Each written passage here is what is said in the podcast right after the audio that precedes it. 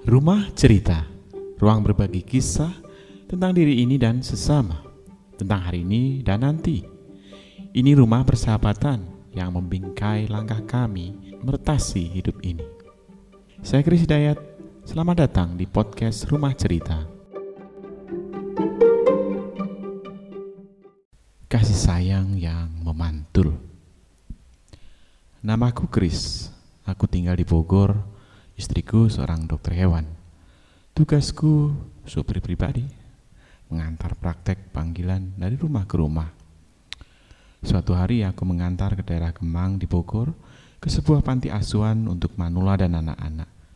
Yang diperiksa istriku adalah anjing-anjing yang dipelihara di sana. Seperti biasa, ibu kepala panti memanggil anak-anak dan anjing peliharaannya. Rupanya satu anak boleh pelihara satu anjing.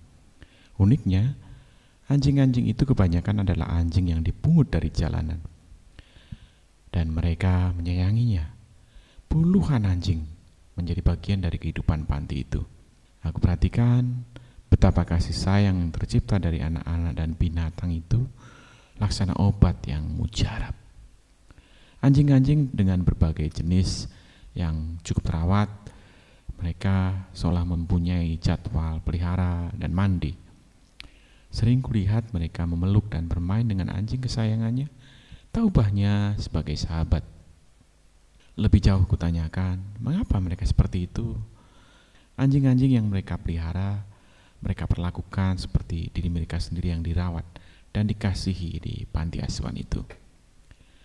Sungguh terharu aku ketika kasih sayang dapat menular dan diekspresikan dalam diri anak-anak tersebut.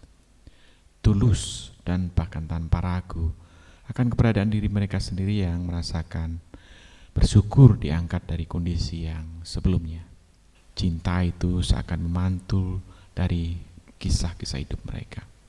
Aku ingin mengajak mereka menulis dan menceritakan lebih banyak kisah-kisah pemeliharaan sang pemilik kehidupan dan bersahabat dengan mereka worth it juga